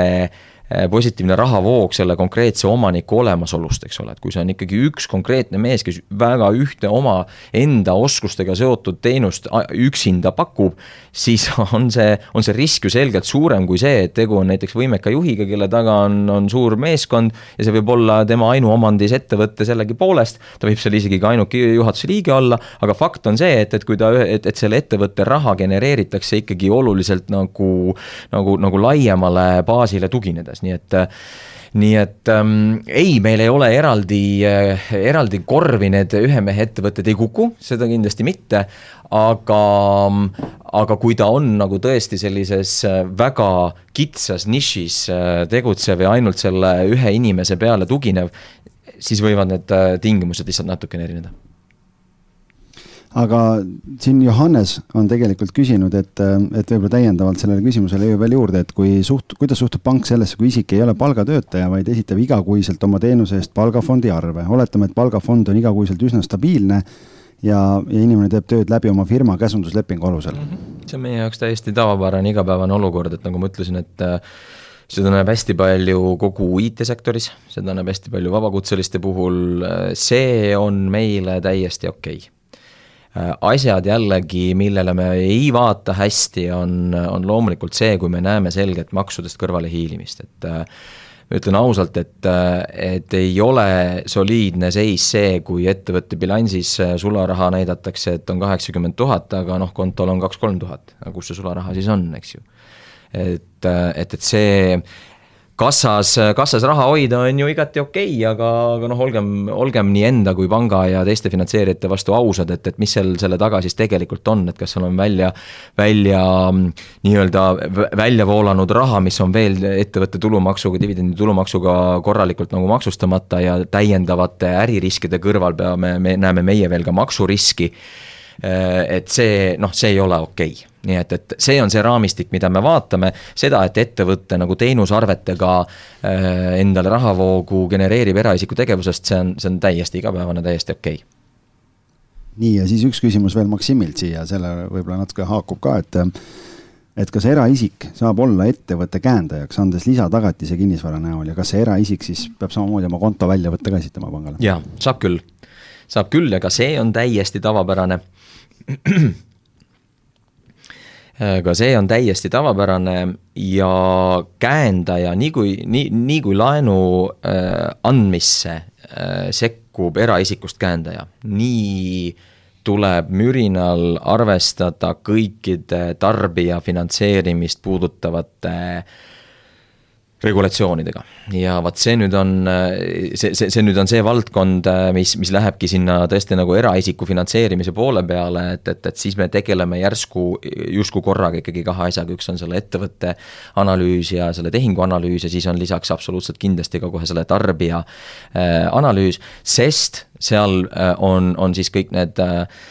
regulatsioonid, mida ei ole vähe, kui me mõtleme tarbijate finantseerimist suruvad siis äh, ennekõike sellise nagu vastutustundliku krediteerimise peale, mis sisuliselt tähendab seda, et, et käendajal peab olema tõendatud maksevõime, toetamaks seda, selle, selle laenu siis tasumist. ja kui seda ei ole, siis noh, ütleme siis niimoodi, et äh, ei ole harvad juhused ju ka see, kus siis ettevõttes makstaksegi miinimumpalka endale noh, ka jällegi teatud põhjused, vaja haigekassat, äh, mida iganes muud, eks ju, täiesti tavaline Eesti osaühingu elu. Äh, aga no kahjuks sellisel juhul äh, seda käenduse maksevõimet ikkagi väga palju ei ole ja, ja lihtsalt see, et eraisik on valmis andma käenduse, ma arvan, et see printsiip jäi ka nüüd ikkagi kahe tuhande kaheksandast aastast sinna teisele poole rajajoont, et et sellega enam nii lihtne kahjuks ei ole, et, et, et käendaja, käendaja pank peab tagama seda, et käendaja pimesi sinna tehingusse ei sisene. ei aktsepteeri me ka näiteks ettevõttega mitte seotud käendajaid et, et, et, et ka see on ju loogiline, eks ju, et, et et kui ettevõte saab mingit kasu, tulu siis, siis selleks võetavad riskid peavad olema tasakaalus ja kui sa, kui sa võtad ainult käendajana ainult riskid, aga ettevõttega nagu seda, seda tulu ja kasu ei jaga, noh siis, siis hiljem on sul käendajana võimalik väga selgesti vaidlustada kogu seda tehingut, et kuulge, et ma tegelikult ikkagi ei saanud aru, mida ma teen. Äh, nii on, see, selliseid kohtulahendeid on küll ja veel, et, et tõesti, kus siis nagu selgub justkui tagantjärgi, et oi, aga ma tegelikult ei saanud aru mida ma teen ja millele ma alla kirjutan. Lähme panka, Siim, sul on harilik kõrva taga ja ma liigutan paberit ja sa hoia pliiatsit. just, et sellised olukorrad loodetavasti jäävad ikkagi jäädavalt minevikku, et, et seal, seal ei ole taga mitte midagi muud kui see, et, et ähm, jah, noh, pank, kõik need regulatsioonid just eraisikute suunal on nagu ju väga tihti ikkagi suunatud sellele, et, et pank kaitseks inimest tema enda eest ja ma ütlen ausalt, et tihti võib-olla minnakse sellega nagu liiale, aga teatud aspektides on siiski seal ka selline täiesti nagu vajalik element täiesti juures, et hoida, hoida nagu ära seda liigset tormamist riskide võtmisel. ja hoida ära seda liigset uljaspäisust, nii et, et see on võib-olla üks aspekt ka kõigi nende käendajate, ettevõtte kohustuste käendamisega, et et seal peab ikkagi jääma ka kahe jalaga maa peale ja mitte, mitte tormama ja mõtlema, et aga, aga, aga mida te veel küsite üldse, ma ju ütlesin, et ma käendan, ei, see ei ole nii, küsime ja mitte vähe. Aga see küsimuse teine osa, et eraisikule kuuluv kinnisvara, ütleme siis juhatuse liikme kinnisvara, et see sobib teile tagasi? sobib täiesti. Ja taaskord otsime seda, et see eraisik oleks ettevõttega seotud. Äh, et see, et äh, vanaemad, isad-emad äh, panti pannakse koos nende korteriga, ei ole enam okei. okay ja seal on ka, ja see, see, see puudutab tegelikult ka eraisikute finantseerimist, mitte ainult äh, väikeettevõtete finantseerimist, et seal, seal ikkagi peab olema see konkreetselt see kasu saamine peab olema tasakaalus selle võetava riskiga, nii et äh, omaniku tee mõni teine kinnisvara lisatagatiseks absoluutselt igapäevane. nii et Maksim, kes sa meie saadet kindlasti kuulad, siis äh, sea oma korterid ritta ja mine, mine panka laenu järele. ukse taha nii, aga võib-olla räägime sellest ka, et, ähm, et milliseid tooteid äh, pank finantseerib ja milliseid mitte, ma mõtlen just kinnisvaraobjektide näol siis, et ähm, kas on mingi kindel ei, äh, millega üldse ei maksa tulla, et ähm, ma ei tea, kinnistuid finantseerite? Mm, hoonestamata kinnistuid mitte. Ja see nüüd on, see nüüd on see koht, kus me ütleme, ma laiendan su küsimust, et jah, me finantseerime neid, aga e näiteks ehitusprojektina et, et, et kui eraisikul on selge plaan äh, soetada kinnistu ja sinna äh, sinna maja peale ehitada, siis äh, selle kinnistu ostu ennast me ei finantseeri, see tuleb omafinantseeringuga katta. küll aga terve projekti finantseerimise raames on võimalik teataval määral selle kinnistu ostuks tehtud investeeringut juba siis nagu, nagu arvesse võtta um,. nii et, et, et jah tühja kinnistut tagatiseks, hoonestamata kinnistut, ei, ka see oli üks õppetund eelmisest kriisist, ma arvan, kõikidele pankadele, seda, seda tõepoolest me ei tee aga, aga laiendaks seda nagu terviktehingule ja vaataks, et milline, milline on kogu selle, selle asja lõpuni viimise rahavajadus kuidas, milliste tagatistega, kuidas, millisel ajahetkel on see poolelioleva objekti turuväärtus üldse nagu vastu laenusummat ja nii edasi, nii et, et, et, et, et, et pigem tasuks vaadata sellele, et kuidas terve see asi saaks finantseeritud. Kas ettevõtte poolt vaadatuna näiteks mingil väikesel äh, ettevõttel on äh, soov arendadagi üks, äh, üks mingi väike eramaja, et siis on need samad reeglid, et kinnistu peab oma, oma vahenditest ja siis, siis võib hakata vaatama vaat see on nüüd üks koht, kus ma kindlasti nagu jahutaksin äh, ja annaksin selge sõnumi, et, et ei, et väikearendust me tõepoolest äh, ei finantseeri. see on täiesti teadlik valik LHV poolt ka, et äh, kui soovitakse selliselt teha, siis eraisikute kaudu maja ehitamist finantseerida, kaasates sinna vajadusel nii KredExi kui, kui, kui muud täiendavad sellised tugimeetmed, on täiesti okei okay selle ja, ja mida me otsime, otsimegi siis seda, et seda kodu ikkagi pigem endale, tähendab, et seda objekti endale ikkagi pigem koduks rajatakse, see on täiesti fine. aga väikearendust äh, ja väikearendajaid äh, ei, LHV ei finantseeri. kust see väikese ja suure arendaja vahe läheb? see läheb sellest, et mis on äh, senine kogemus, mis on selline, mis on senine mm, tehtud objektide loetelu, et eks ta sealt nagu läheb, et jällegi selles mõttes nagu mitte hagu anda alla seal, kus seda vaja teha ei ole. Ei ole vaja igalühel saada kinnisvaraarendajaks, no ei ole, seal on, seal on terve hulk riske, mille realiseerumist ju väga ilmekalt äh, me nägime aastaid tagasi. tõesti, alates kõikvõimalikest lubadest äh, ja, ja nende hankimise võimekusest kuni, kuni võimekusega üleüldse kvaliteetselt äh, terve objekt ära juhtida alates projekteerimisest ja, ja kõigest muust kuni, kuni lõpuni välja, et, et millised kohustused ka omavalitsusega omavalitsusega on, on võetud või, või, või peaks võtma ja, ja nii edasi, nii edasi, nii et ei, kindlasti mitte ei peaks iga inimene tahtma saada kinnisvaraarendajaks ja, ja, ja sealt see piir umbes nagu selles mõttes läheb. et ma olen kasutanud nagu erinevates esitlustes seda väljendit just, et, et äh, esimest, teist ega kolmandat äh, arendust me nii-öelda koolirahana finantseerima valmis ei ole, et, et kui need on edukalt ära tehtud ja noh, loomulikult ei ole see mingi hard rule, et nüüd neljas LHV lubas, et neljandat minu arendust ta teeb, et mõte mõte on ikkagi selles, et äh, kui sul on kogemus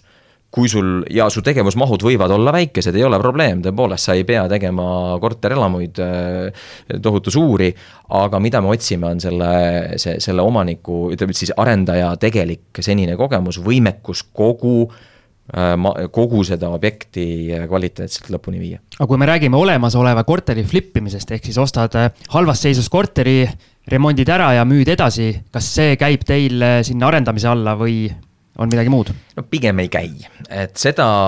seda tehingut, noh, neid tuleb ka ette, ei ole üldse küsimus. Et seda tehingut pigem need muud tingimused hakkavad äh,, hakkavad natuke piirama, et noh, kui me mõtleme nagu flipimise peale, siis kui sa tahad seda nii lühiajaliselt teha, siis, siis sa pead arvestama juba ju ikkagi samasuguste tehingukuludega alates panga lepingutasust, lõpetades ennetähtaegse lõpetamise tasuni, kui sa laenu, laenu eeldatavasti võtad ju ikkagi pikemaks ajaks, kuni siis ikkagi ka kinnisvara enda nagu tehingutasudeni ja nii välja, nii et ähm,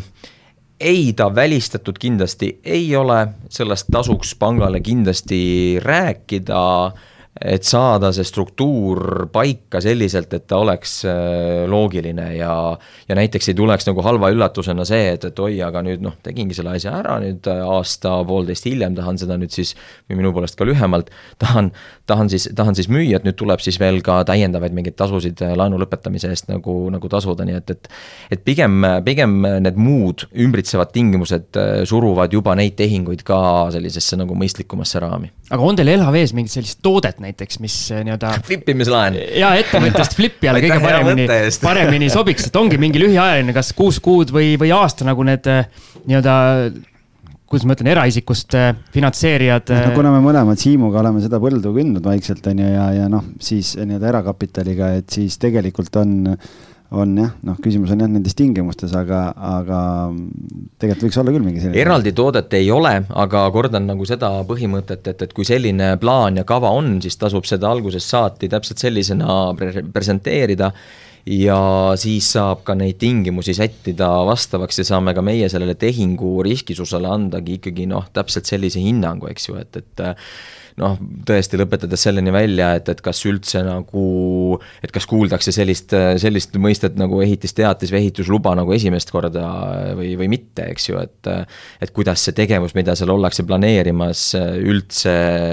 üldse meile ka tundub selle siis inimese jutust, kes selle jaoks nagu raha küsib, nii et et sellest tasub kindlasti rääkida ja, ja saame, oleme, oleme teinud küll. aga võib-olla LHV varsti tuleb turule uuendusliku flipimislaenuga no, panen kõrva taha. Saame siin. registreerin täna kaubamärgi ära, et igaks juhuks, et ei saaks pärast. Saad natuke krediiti, Siim, siis ka, väga hea aga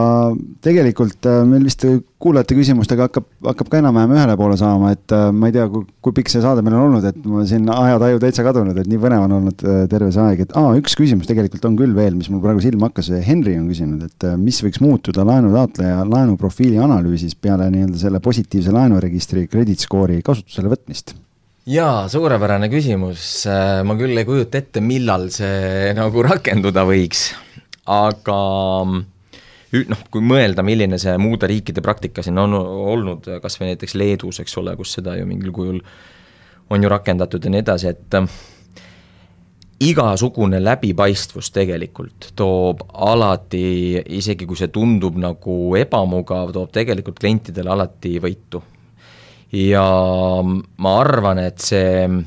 laias laastus võiks omada nagu selliseid ähm, päris huvitavaid pikaajalisi mõjusid, see võiks kindlasti vähendada inimesi, kes äh, ennast üle laenavad.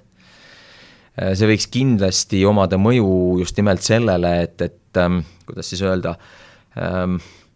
alternatiivsete finantseerijate kasutamisega tõmmatakse ennast elu lõpuni lukku. Äh, noh, ütleme lihtsalt sellepärast, et, et, et sa tead, mida sult eeldatakse, sa tead, et kõik näevad sinu äh, siis nii-öelda mõistliku hinnaga finantseerijad, näevad sinu track record'it, teavad su, teavad su äh, käekäigu ja tegeliku finantstervise ja finantskäitumise kohta. See ikkagi hakkab mõjutama nagu inimese käitumist ja just nimelt pikaajaliselt, et ma isiklikult pean seda väga-väga heaks mõtteks, aga seal on, seal on hästi palju agasid ja minu meelest midagi väga, sellepärast ka väga palju midagi konkreetset ju siin ei ole tur-, välja nagu tulnud. et mina isiklikult pooldaksin kindlasti ikkagi võimalikult suurt läbipaistvust seal, et äh, all in selle koha peal, et, et äh, puhastaks turgu, teeks tervislikumaks, teravdaks konkurentsi kindlasti pankade, finantseerijate vahel ja tarbijal, kliendil on sellest ainult võita ma küsin veel eh, nii-öelda alternatiivfinantseeringute koha pealt, et siin mingid aastad tagasi väga mürinaga tuli see ühisrahastus, kinnisvara ühisrahastus turule, et nii-öelda täpselt teie sinna segmenti. mismoodi te pangana sinna peale vaatasite ja vahepeal nii-öelda levisid kuuldused, et kui mingi ettevõte on võtnud justkui sealt ühisrahastusest laenu, et siis põhimõtteliselt pangaga võib bye-bye öelda, et nii-öelda tulevikus eh, koostööd väga ei ole, et kas need peavad paika? nii mustvalgelt kindlasti mitte Äh, ma arvan, et ähm, no ühisrahastus on ju ennast käima jooksnud aastatega ja seda on põnev olnud kindlasti jälgida, sealhulgas loomulikult ju ka kinnisvara finantseerimist. Ähm, milles see kõik taandub selle laenuvõtja mõistlikkusele, et, et kui, et kas näiteks ollakse sealt üle võimendanud ennast, kas meil üldse on võimalik näiteks refinantseerida seda tehingut kas ollakse võed-, võtnud mingeid kohustusi millega noh, ei, ei õnnestu midagi enam nagu peale hakata või, või, või, või, või otsi-, noh, et, et millele siis parasjagu nagu panga poole pöördudes nüüd lahendust otsitakse, et kas nüüd on siis mingi objekt äh, pooleli jäänud, raskustesse sattunud, kallinenud, eks ole, need on kõik nii kardinaalselt erinevad olukorrad, kardinaalselt erinevad olukorrad. Versus see, et ühisrahastusega on see võib-olla minu poolest valmis äh, ehitatud, siis on äriplaan natuke muutunud, otsustatud on ikkagi osad näiteks korterid endale üüriportfelli jätta, et need olukorrad on äärmiselt, äärmiselt erinevad, millega siis parasjagu olles kaasanud võib-olla ühisrahastust, panga poole nagu pöördutakse. kuni selleni välja, et tõesti lihtsalt tahetaksegi refinantseerida soodsamaks intressiks, eks ole, mis on ka täiesti fine. ja ma laiendaksin ühisrahastamist tegelikult ka hoiu-laenuühistutele, et, et ka nad on küll väikesed, neid on vähe, aga aeg-ajalt ikkagi tuleb nagu ette ja ei, ma küll ei ütleks, et see nüüd on see, see, see kontingent finantseerijat või, või, või kui nüüd ollakse sealt läbi käinud, et, et see välistab panga, pangalaenu, ei, ei, ei välista. mis jätkuvalt välistab, on siis selline ebamõistlik finantstervis, ebamõistlikule ja väga halvale finantstervisele viitavate laenutoodete kasutamine nagu kiirlaenud, nagu, nagu tõesti selles mõttes väga alternatiivsed äh, rahapakkujad, kes kes viitavad sellisele noh, natuke nagu meeleheitele ja, ja võimetusele ette planeerida piisavalt ja võimetusele oma, oma rahaasju ikkagi mõistliku rahahinnaga nagu korda ajada. kuni selleni välja, et, et, et noh, et aga huvitav, et aga miks sul ei ole siis nagu ühtegi sõpra või vanemaid jäänud, kes oleks valmis sulle selle raha laenama võib-olla kolm korda soodsama intressiga, et sa pöördud ikkagi kiirlaenu või võtja poole, eks ju, nii et, et need, need on punased jooned, aga ühisrahastus äh, ei, ei ütleks aga need eh, nii-öelda hoiu-laenuühistutest rääkides, siis kõige kõlavamad hoiu-laenuühistud arendavad siin ise kinnisvara ja lähevad siin tagumiku peale pikali, et millal LHV hakkab ise kinnisvara arendama? No üürimaju ju teete siin. just täpselt, et, et me ikkagi otsapidi, nii nagu meie kogu kontserni tegevus ikkagi laieneb, siis jah, nagu sa viitasid, et, et ma ütleks, et me oleme kättpidi ikkagi üürimajades juba ju sees ja, ja juba jupp aega, nii et Siimust on see mööda läinud vist. minust on see mööda läinud, jah. lumikodudega või kellega siin koos. mul on endal nii palju tegemist. no vot, et äh, Siim on aga sellepärast, seepärast me kutsumegi väga tarku ja andekaid inimesi siia stuudiosse, et ise targemaks saada. Jaa, aga igal juhul ma arvan, see on hea koht, kus tegelikult siin saatele ka joon alla tõmmata, et, äh, et äh, aitäh sulle, Marko, tulemast, et ma Tänan loodan. aga ma veel ikkagi lõpetuseks küsin, et LHV need äh, nii-öelda plaanid tulevikuks äh, just selles valdkonnas, kus sina töötad, et kas teil on plaan jätkata samas mahus, laiendada seda nii-öelda laenu väljaandmist, mis teil need eesmärgid on mm,? kindlasti kasvada, et, et siin võite lugeda LHV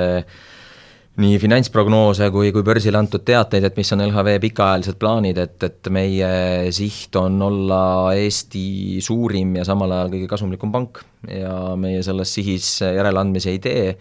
Ja teades seda kampa, kes nii LHV, LHV-d juhib, kui, kui, kui kes, kes, kes, kes seal igapäevaselt töötavad, siis ma isiklikult olen selle plaani realiseerumises vägagi veendunud mina LHV aktsionärina kiidan, kiidan takka. no suurepärane, nii et noh, siis jääb ainult jõudu ja jaksu soovida, nii et ja loodame, et me saame siis ka ja meie kuulajad oma panuse ka sinna kasvu anda nüüd eelkõige tänu sellele saatele siis. ma arvan, pärast seda saadet võite, võite oodata seal kontoris uksekell hakkab helisema. Marko, Marko number ja email peidetakse kodulehelt. järgmiseks nädalaks igaks juhuks kodulehelt numbri maha, et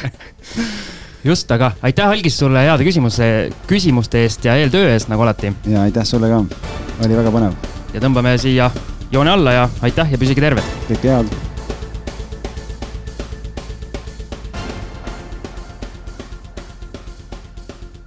kinnisvara ostueelne kontroll aitab säästa aega ja raha. vaata lisa www.ehituskaitse.ee